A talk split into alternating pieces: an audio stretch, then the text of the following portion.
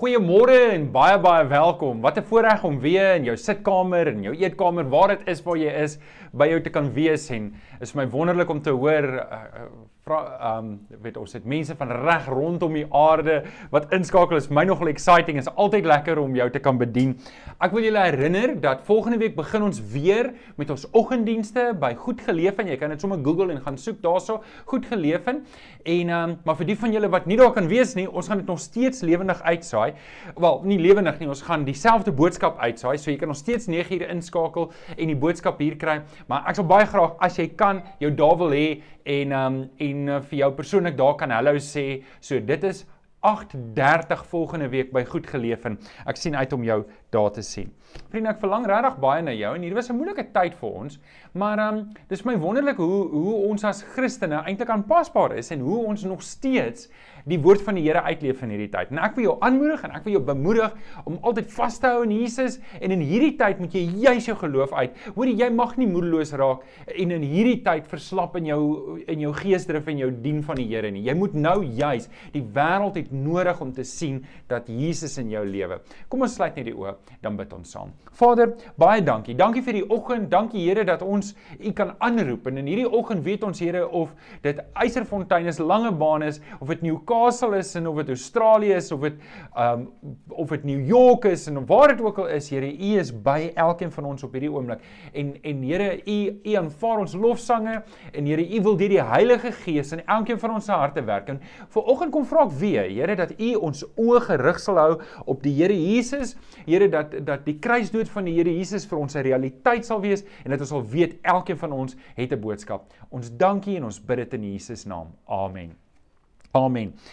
Vriende, vir my is dit belangrik dat jy moet weet ek wil jou graag op 'n geestelike manier so bedien dat jy geestelik volwasse sal word. Dis my werk, is my taak, is my roeping, my mandaat van die Here, maar ook my verantwoordelikheid. En so, wat is geestelike volwassenheid? Geestelike volwassenheid is wanneer ek geheel en al gekruisig is en toelaat dat Jesus deur my lewe. So, geestelike volwassenheid is wanneer so min van myself oor is dat wanneer ander mense in my vasloop en wanneer mense met my te doen het, dat al wat hulle beleef is eintlik vir Jesus. En en dis my gebed vir jou dat jy al meer en al meer sal oorgee aan die Here Jesus, dat Jesus meer sal word en dat ek en jy minder sal word.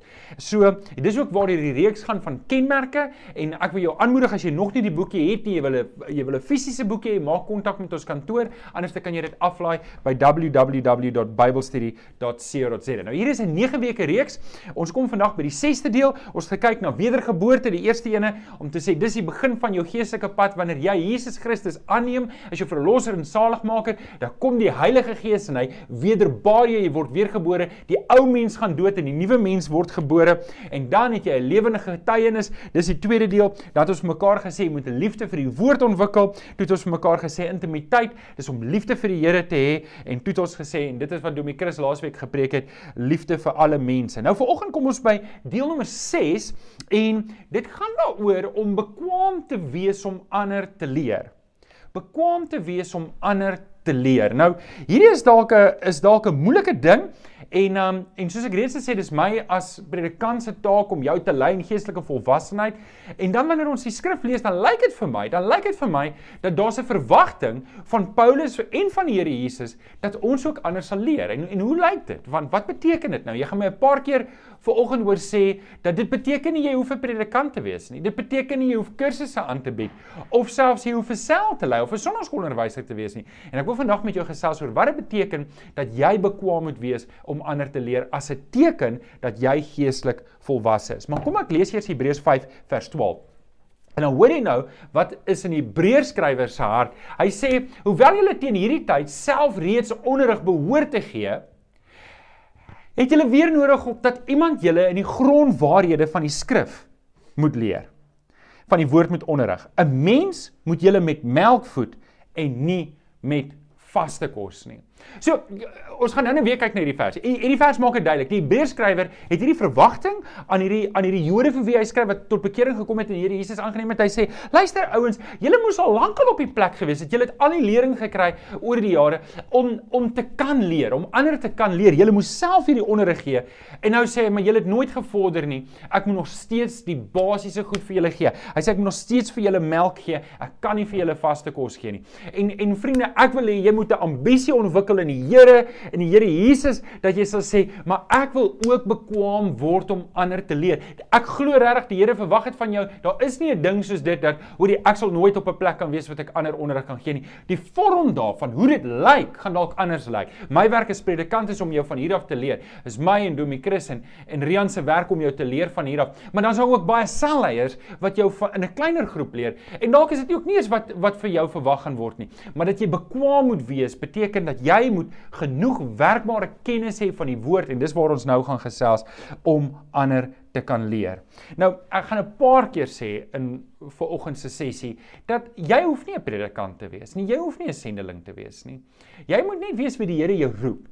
Om bekwam te wees beteken nie om 'n predikant te word nie. Dit beteken om net op 'n plek te wees dat die Here jou kan gebruik wanneer hy jou nodig het om ander te leer. Nou kom ons lees saam 2 Timoteus 2 en ons gaan saam lees vanaf vers 26, 2 Timoteus 2 vanaf vers 22. En dit lees: Vermy die begeertes wat 'n jong mens in gevaar bring en streef na opregtheid, geloof, liefde en vrede, saam met almal wat uit 'n rein hart die Here aanroep.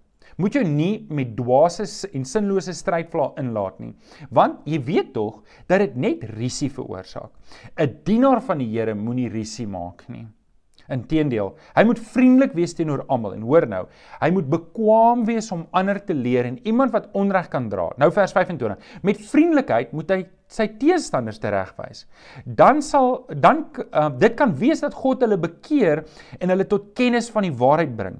Dan sal hulle weer tot nugtere insig kom en vry raak uit die vangstrik van die duiwel waarmee hy hulle gevange gehou het om sy wil te gehoorsaam. Ek ek wil net gou-gou weer teruggaan na die teks. Ek wil net twee of drie goedjies uitlig. Paulus sê in vers 24, hulle jy moet jy moet dienaars hê wat bekwam is om ander te leer. En dan sê hy, hulle moet met vriendelikheid hulle teestanders kan regwys. Hulle moet kennis van die waarheid hê. So hier is alles goeie sodat hierdie mense hulle kan bekeer. Dis belangrik dat jy 'n ambisie moet begin ontwikkel om te sê ek moet bekwam wees om ander te leer. Jesus spreek sy disippels toe in Matteus 28 vers 19. Hy sê: "Gaan dan na al die nasies toe, doop hulle in die naam van die Vader, die Seun en die Heilige Gees." En dan en leer hulle om alles te onderhou. Met ander woorde, as ek werklik 'n disipelmaker wil wees in Jesus Christus, dan moet ek bekwam wees om ander te leer. Paulus sê dit nou in 2 Timoteus 2 vers 2.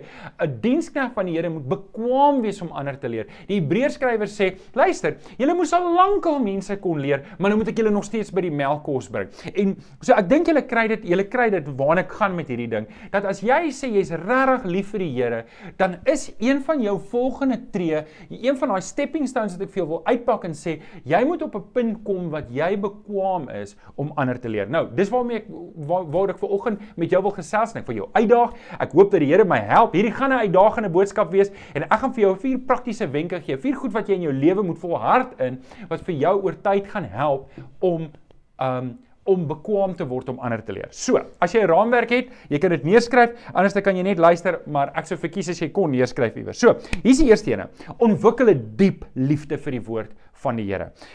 Die Psalmis sê in Psalm 119 vers 140: U woord is baie suiwer, ek het dit lief. Ek wil net ek wil net 'n vers ook aanhaal uit uit Psalm 1 vers 1 en 2 wat sê dit gaan goed met die mens wat die woord van die Here sy vreugde vind en dit dag en nag oordink. Nou vriende, ek praat nie van 'n akademiese kennis van die skrif.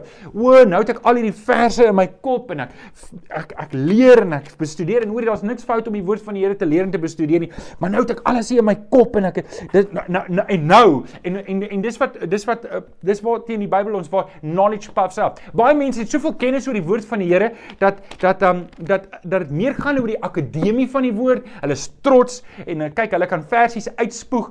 Die die die die Bybel word vir hulle soos 'n soos 'n AK47 en die versies is die patrone waarmee hulle die mense skiet. Hulle word trots en hulle word uh, hulle word hulle word hulle oordeel mense en hulle is hard op mense en dis nie die hart van Jesus nie. Dis nie wat dit beteken om bekwam te wees om te leer nie. Om die waarheid te sê, as ek 'n dieper liefde vir die woord van die Here kry, dan is dit nie akademiese kennis nie. Dis 'n hartskennis wat net soos wat Johannes het sê in Johannes 3 vers 30 Hy moet meer word en ek moet minder word. As ek as ek die woord van die Here regtig bestudeer deur die krag van die Heilige Gees, dan is dit presies wat gaan gebeur. Jesus gaan meer en meer word in my lewe en ek gaan minder en minder word. Ek gaan nie trots word omdat ek soveel verse kan. Kyk net al die verse wat ek kan aanhaal nie.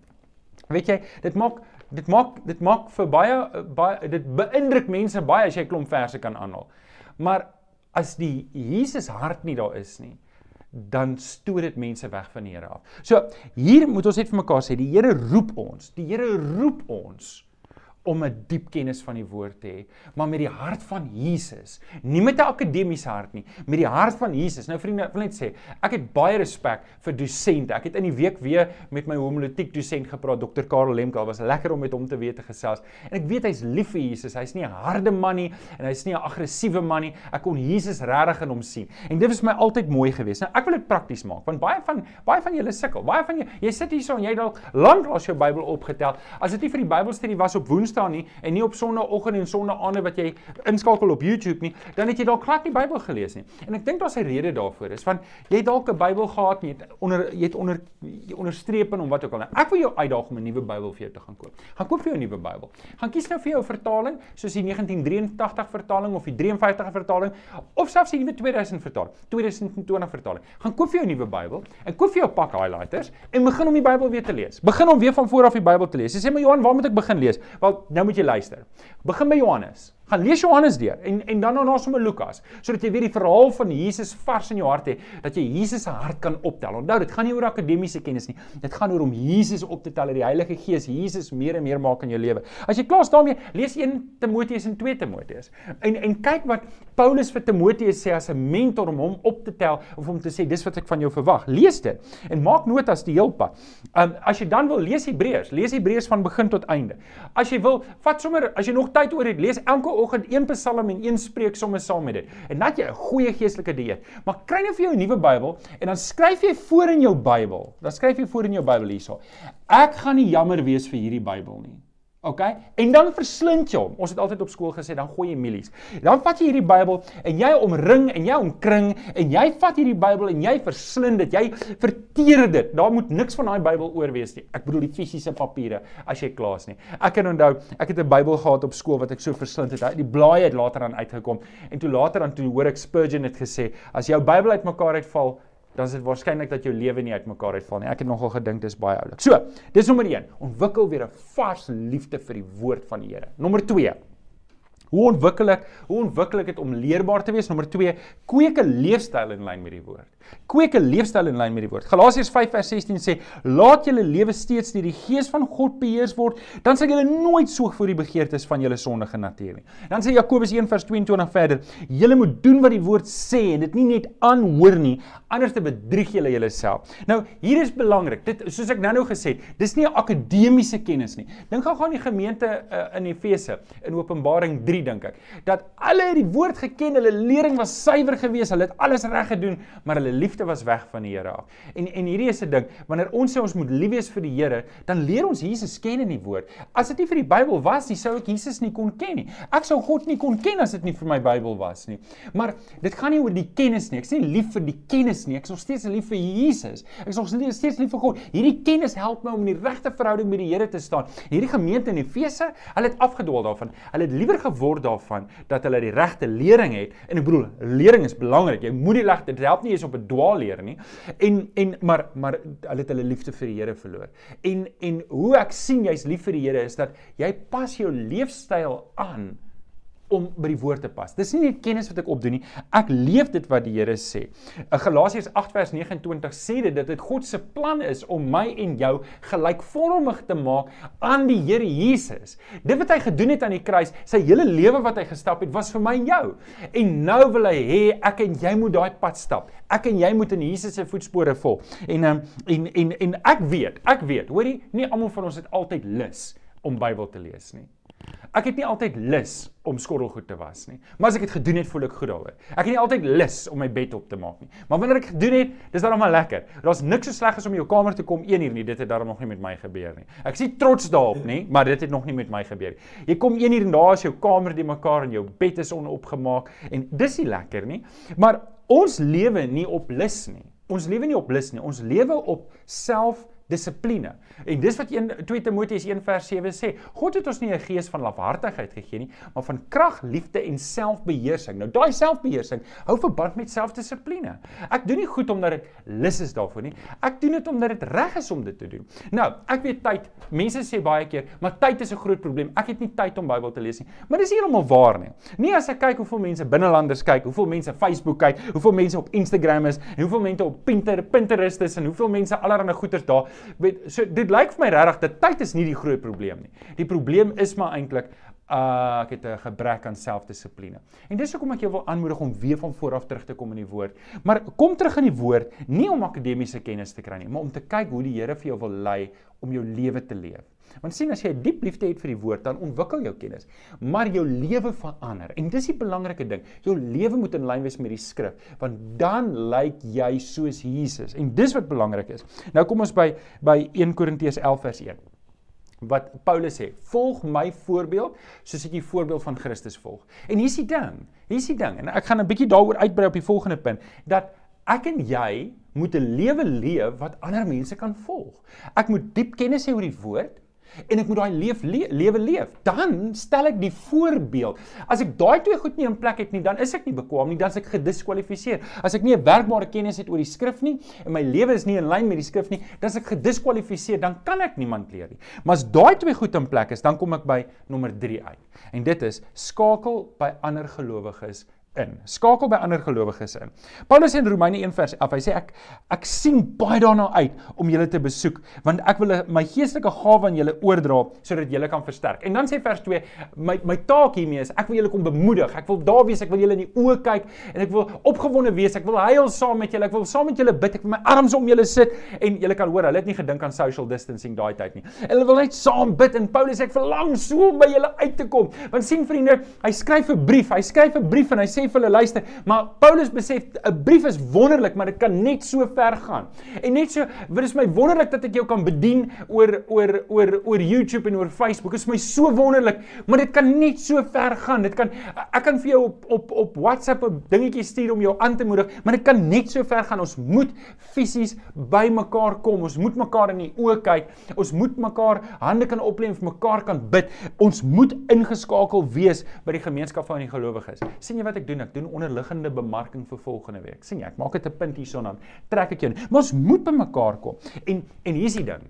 Hier's hier's hoe jy bekwam word om te leer. En en hierdie derde punt is 'n belangrike een. So eerste ding wat jy doen is as jy verdiep jou in die woord van die Here. Jy verdiep jouself. Kry vir jou nuwe Bybel, onderstreep hom en moenie jammer voel nie. Tweede ding is laat jou lewe in lyn kom met die woord. As daar iets in jou lewe is wat nie in lyn is met die woord nie, dan bring jy dit in lyn en jy stap dieselfde pad as wat die Here van jou verwag. Dan outomaties, die oomblik as jy dan inskakel, begin jy mense leer. Jy sê maar, "Johan, hoe leer ek?" Ek leer nie iemand nie. Jy doen deur jou voorbeeld. Deur dit mense sien jy's lief vir die woord van die Here. Deur dit hulle sien, hulle sien Jesus in jou lewe. Op daai oomblik is jy besig om 'n voorbeeld te stel. Paulus sê nie hoor jy volg my lering soos ek die lering van Jesus volg. Hy sê nee, volg my voorbeeld soos ek die voorbeeld van Jesus volg. Die oomblik as jy daai voorbeeld begin stel, of jy jonk is en of jy middel is en of jy oud is, dit maak nie saak nie. Ouderdom het niks mee te doen nie. Die oomblik as jy dit doen, en jy skakel by ander gelowiges in. Gebruik die Heilige Gees jou voorbeeld. Die Heilige Gees praat met mense sê, hoorie, kyk na, kyk na Chris. Kyk na Chris van Skalkwyk. Kyk hoe hoe hy optree want sy lewe is in lyn met die woord. Kyk kyk hoe ander optree. Hy hy hy's lief vir mense en hy bedien mense. Hy gaan help die kinders daarso. Hy gaan help vir Tanya. Ek vat my nou net 'n voorbeeld. Ek skimp nie ander. Um en en Andre wat vroeg in die oggende opstaan. Die Heilige Gees vat jou voorbeeld en die Heilige Gees doen die leerwerk deur jou lewe omdat jy getrou is. En en dis omtrent sien jy, jy hoef nie 'n predikant te wees nie. Jy hoef nie 'n graad in teologie te hê nie. Jy hoef nie 'n sending te wees wat iewers in put sonder water gaan. Okay, put sonder water is net die ander kant. Um iewers iewers oor die wêreld gaan en sendingwerk te gaan doen nie. As die Here jou roep, doen dit. Moenie terughou nie. Moenie net ek toe teruggaan nie. Dis nie wat ek sê nie. Go for it. Maar jy hoef nie dit te doen om om om te leer nie. Nou, wat, wat belangrik is hier. Ek het nou vergeet. Ek wou my toaster saamgebring het. Ek weet nie Candice, dis nou Rian se vrou het op 'n stadium vir Tanya 'n toaster gegee wat vier broodjies kan toast. Daar's 'n voor, ek weet nie wat 'n verjaarsdag was of wat die storie was nie, maar ek weet net ons het 'n Candice toaster daar by ons. En um en en maar daar's 'n groot voorwaarde van hierdie toaster. Voordat hy brood kan toast, moet hy Okay. hy moet brood in hê, dankie Rian en hy moet ingeprop wees. As hy nie ingeprop is nie, kan hy nie toast nie. Jy kan 600 broodjies deur hom sit. Hy gaan nie toast nie. Dit gaan nie getoast word nie want hy moet ingeprop wees. Weet jy, ek en jy moet ingeprop wees in die woord van die Here. Ons moet ingeprop wees in die krag van die Heilige Gees, maar ons moet ook ingeprop wees in die gemeente. Dis hoe die Here dit gemaak het. Ouens, ek het nie die gemeente uitgedink nie.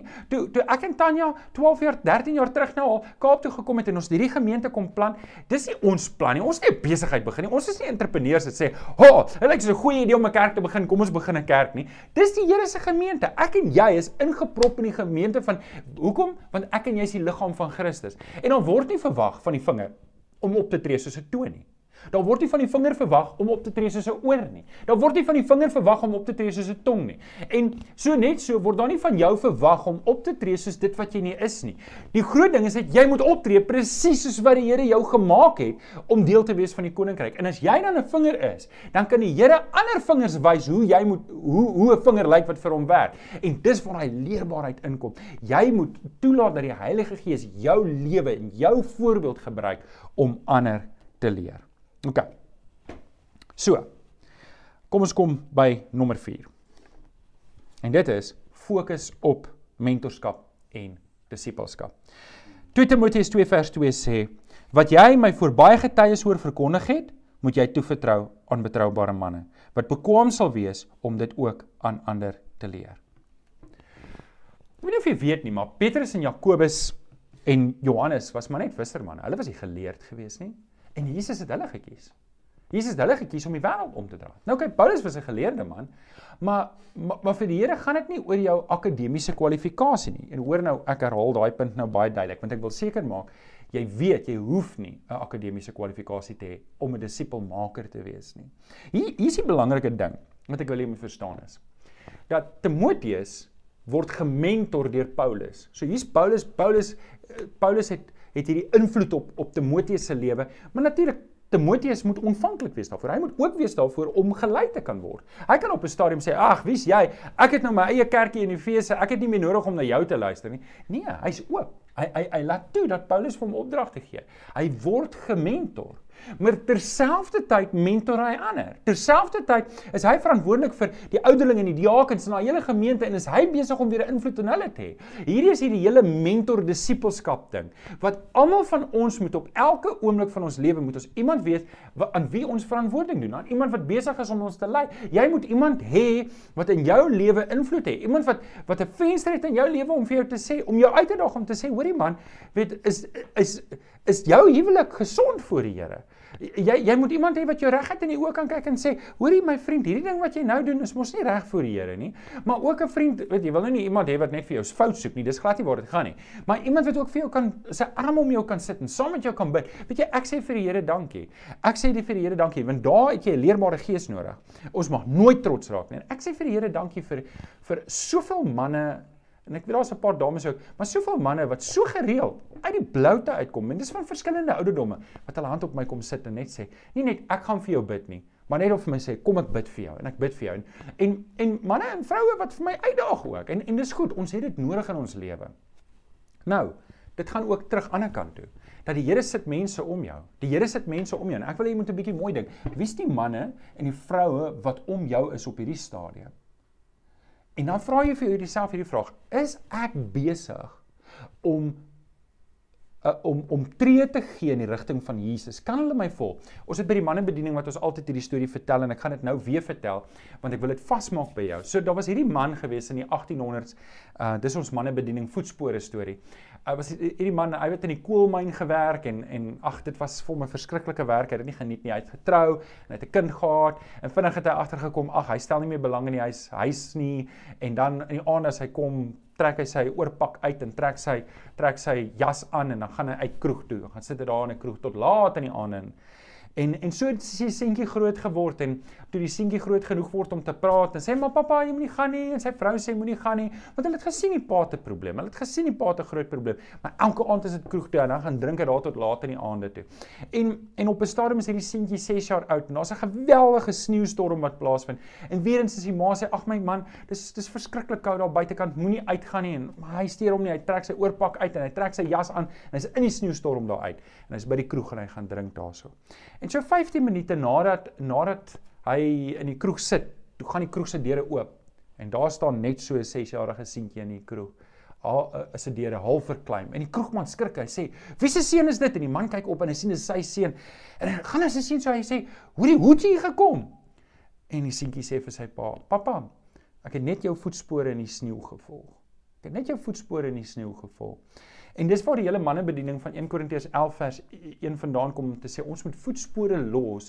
Maar mense moet ons voetspore nie volg kroeg toe nie. Hulle moet ons voetspore volg na Jesus toe. As hulle my en jou volg, weet julle vriende, ons is ons is deur seker in ons leeftyd een van die moeilikste moeilikste tye deur die laaste 6 maande. En en hierdie is ons tyd. This is our time to shine. Ons moet vir die mense wys hoe Jesus lyk. Ons moet nou die voetspore volg. Ons moenie soos 'n klomp afkop hoenders wees wat net rondhardloop en omval en te kere gaan nie. Nou is ons tyd om vas te staan. Ons moet bekwam wees om ander te leer en ons moet dit doen deur om gementor te word maar ook verantwoordelikheid aan te aanvaar vir die mense direk om ons wat die Here vir ons geplaas het. En ek wil hê vir 'n oomblik, dink gou-gou, wie is die mense wat die Here om jou geplaas het? En wat doen jy met daai invloed wat jy het op hulle lewens? Nou, Ek wil net vinnig vir julle sê hoe mentorskap plaasvind binne die kerkmodel en dit het Jesus gedoen, hè. So ek hou daarvan dat Jesus het die mense geleer. Die eerste vlak waarop mentorskap plaasvind is in die groot gemeente, in die gemeentelike samekoms. So ons sal sien in Handelinge, hulle het elke dag by die tempel bymekaar gekom. Nou onthou nou, die tempel was nou nie hulle kerk nie, maar dis waar hulle was. Hulle het net daar bymekaar gekom. By die ander dorpe het hulle in die sinagoges bymekaar gekom. So dit was beslis 'n groter groep. Nou in Jerusalem was al 5000 mense. Wil jy dink hoe lyk dit as 5000 Christene bymekaar kom en liedere begin sing? Ek dink moes 'n verskriklike enorme belewenis gewees om te sê, "Oh, kyk al hierdie gelowiges, kyk al hierdie gelowiges, nou die kerk was toe nog jonk en en hulle kom al by mekaar, hulle drom saam. Ek kan nie dink hoe sing hulle daar saam nie. Dit moes 'n wonderlike belewenis wees."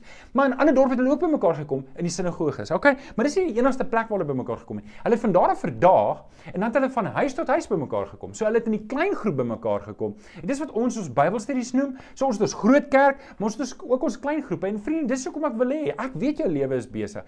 Maar jy mis uit as jy nie in 'n klein groep ingeskakel is nie. Jy mis uit as jy nie in 'n selgroep ingeskakel is nie. Jy mis uit as jy nie saam met ander gelowiges die woord optel nie. Ons kry die voorbeeld in Handelinge. Hulle het van huis tot huis bymekaar gekom en daar kon hulle mekaar in die oë kyk. As jy in 'n groep van 5000 is, dan verdwyn jy. Jy kan anoniem wees. Maar as jy in 'n groepie van 10 of 12 is, jy verdwyn nie. Hulle kan vir jou bid en hulle kan vir jou uitreik. En daarom, ek wil hê jy moet ernstig oorweeg. Hoor jy, dit gaan nie oor TGK se selgroepe nie. Dit gaan oor jou verhouding met die Here en die Here wat vir my en vir jou geroep het om disippels te maak en die, en en die klein groep vorm deel uit daarvan. Daar is jy ideaal. Jy hoef nie te gaan soek vir iets nie. Jy kom na dit toe en daar kan jy deel maak prakties um dit uitleef om disippels te maak. Dit bring ons by die derde vlak en dis die binnekring.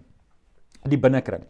Um ons sien dit dat Paulus het dit gehad het. Paulus het vir Barnabas gehad, hy het vir uh, Markus gehad, later het hy vir Silas gehad, hy het vir Timoteus gehad, hy het vir Titus gehad. Hy het 'n klein groepie gehad wat hy baie tyd mee spandeer het. Jesus het dit ook gehad. Jesus het Jesus het die groot groep geleer, dan het hy met die 115 150 mense het hy gewerk wat baie nader aan hom was en dan het hy met die 12 disippels gewerk, maar dan het hy ook 'n binnekring gehad. Hy het vir Jakobus en vir Johannes en vir Petrus oral saamgevat en vir hulle het hy intens geleer. Hy het vir hulle intens geleer. Hy het hulle saamgevat na die tuin van Getsemane en daar het hy saam met hulle gebid en hy het by hulle aangedring hulle moet bid. So iewers moet jy ingeskakel wees in 'n klein groepie van 2 of 3 mense. Een ou wat jou in die oë kyk, wat jy weet hy weet wat in jou lewe aangaan en jy hou nie vir daai persoon geheime nie. Jy moet en jy moet ook op 'n punt kom. Jy moet ook op 'n punt kom wat iemand jou kan vertrou, wat jy toestemming kan hê in sy lewe om hom uit te daag om meer en meer te word soos Jesus. Julle, ek dink daar's 'n probleem met ons Afrikaners. Ons is te privaat, nommer 1, en nommer 2 is ons wil hê almal moet maar net self self verantwoordelikheid hou. Elke ou is mos maar koning op sy eie. Ek wil nou nie sê wat die res van die sin sê nie, maar elke ou is mos op sy eie. En en dis nie dit bring nie eer vir die Here nie. Dit dis nie hoe ons die Nuwe Testamentiese kerk gesien het nie. Ek en jy moet verantwoordelikheid kan aanvaar vir mekaar, maar ek moet myself ook verantwoordbaar maak aan ander. Nou oké. Okay. Dis my storie vir vir vir oggend. Nou, ek wil eindig met die vers waarmee ek begin het. In Hebreërs 5 vers 12 lees ons: Hoewel julle teen hierdie tyd selfs reeds onderrig behoort te gee, het julle weer nodig dat iemand julle in die grondwaarhede van die woord van God moet onderrig. 'n Mens moet julle met melk voed en nie met vaste kos nie. Ek bid so. Ek bid so dat die Here 'n ambisie in jou wakker maak om te sê ek wil myself bekwam om ander te leer. Hoe doen ek dit? Wel, ek begin deur om 'n regte liefde vir die woord van die Here te kry om te sê Here, hierdie is u woord en ek gaan Jesus Christus in hierdie blaaie vind en hierdie woord gaan my leer om meer en meer te word soos die Here Jesus. En dan gaan ek deelneem in die disippelskap. Ek gaan inskakel en ek gaan in 'n klein groepie wees wat ek toelaat dat ek nie in sonde val nie. Weet julle, meeste ouens wat in sonde val is ouens wat hulle self isoleer en dan oor tydperk dwaal hulle net verder af van die Here af. En en dit mag dalk jy wees. Dalk weet jy jy is besig om af te dwaal en weg te dwaal. Ek wil jou vanoggend kom vra. Kom terug na die Here Jesus toe. Kom maak 'n nuwe toewyding aan hom. Gryp hom weer aan. Kom kom sê vir die Here, Here, ek is jammer ek het afgedwaal. Here, ek is jammer ek het in sonde geval. Ek is jammer. Ek het my doelbewus geïsoleer dat ander mense nie moet weet wat in my lewe aangaan nie sodat ek nie verantwoording hoef te doen nie. Sê jammer vir die Here. Sê vir die Here jammer want hy vergewe en onthou, ons Here staan gereed om jou op te tel. Jesus het nie aan die kruis gesterf om jou net te los en dat jy aangaan op jou eie nie. Hy het aan die kruis gesterf omdat hy verantwoordelikheid aanvaar het vir jou. En dan wil ek jou uitdaag om in te skakel. Skakel in. Ek weet dit is moeilik nou, maar skakel in en en en begin bid vir die mense om jou. En en en kry vir jou daai nuwe Bybel en bestudeer dit en en word weer lief en en onthou om voor in daai nuwe Bybel te skryf, hierdie Bybel is nie sentimenteel nie. Ek gaan in hierdie Bybel krap. En dan bekrap jy jou Bybel. En ek wil graag foto's sien van jou Bybel. Jy kan vir my WhatsApp 084 580 5740. Ek wil graag sien hoe vorder jou Bybel. Ek sal dit graag hier vir die mense ook wil wys hoe jou Bybel vorder. Ek het vir my nou so so rukkie terug 'n nuwe Bybel gekoop. Ek het nog nie my Bybel begin om omkring nie want ek is ook sentimenteel. O, nou het ek 'n nuwe Bybel. Nou nou nou wil ek nie, nou wil ek nie, nou wil ek, wil ek nie. Maar hoorie, kom net oor dit en doen dit. Ek wil jou foto's sien. OK, so hier's my storie vir vanoggend. Ek hoop ek sien jou vanaand. As jy nog nie gebespreek het nie, ek dink daar was 30 plekke nog oor toe ek laas gekyk het vir vanaand. Kom vanaand, maar volgende Sondag is die groter. Dan kom ons vir die eerste keer weer in die oggend bymekaar en ek kan nie wag om jou daar te sien nie. Kom ons bid saam. Vader, Ek kom dankie in die wonderlike naam van ons Here Jesus. Dankie Here dat U Heilige Gees in ons lewe werk en en Vader op hierdie punt, soos wat die Hebreërskrywer sê, julle moes op hierdie punt alself kon onderrig gee. Kom bid ek Here dat elkeen van ons die uitdaging sal aanvaar om onsself bekwam te maak om te kan leer. Here, dit beteken nie ons moet 'n graad hê in teologie, ons moet predikante word of sendlinge word nie. Dit beteken net ons moet daar wees waar U ons geroep het, moet ons die beste maak en verantwoordelikheid aanvaar vir die mense wat U om ons geplaas het. Dankie daarvoor. Dankie dat U ons geroep het. Dankie Dankie dat U ons kom skoon was het. Dankie vir die bloed van die Here Jesus. Dankie dat Jesus gesterf het, gekruisig het, maar weer opgestaan het en dat hy aan U regterhand sit en intree vir ons. Dankie dat ons kan getuig van ons redding. En Here, ons wil hierdie wêreld omkeer wat nog nie Jesus ken nie en hulle vertel, maar om dit te kan doen, moet ons bekwam wees om ander te leer. Ons moet, soos 1 Korintiërs 11 vers 1 sê, 'n pad stap, daai spore in die sneeu los wat mense kan volg. Kom seën vir ons hierop. Ons vra dit mooi en ons bid dit in Jesus naam. Amen. Amen. Kom ons kom ons ek wil nou sê staan en sing 'n lied saam met Kenneth. Kom ons sing saam met Kenneth.